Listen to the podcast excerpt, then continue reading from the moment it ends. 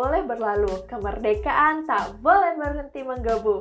Merdeka, ya merdeka, satu kata yang penuh makna.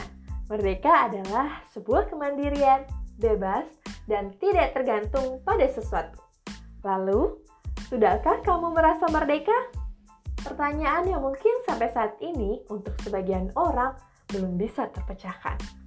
Tapi merdeka bagi seorang maci adalah merdeka dari segala kenyinyiran orang-orang. Berusaha cuek dengan penilaian orang lain, terkadang harus bersikap bodoh amat demi menjalani hidup yang lebih baik. Seperti halnya merdeka untuk berkarya.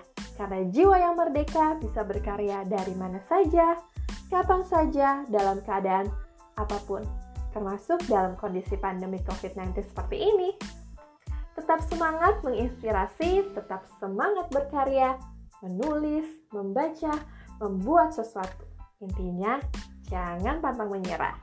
Dan ini karya Maci untuk kamu semua, karena tak semuanya bisa dijelaskan oleh kata, namun bisa diutarakan oleh suara. Kamu ada di podcast Ruang Maci. Sampai jumpa.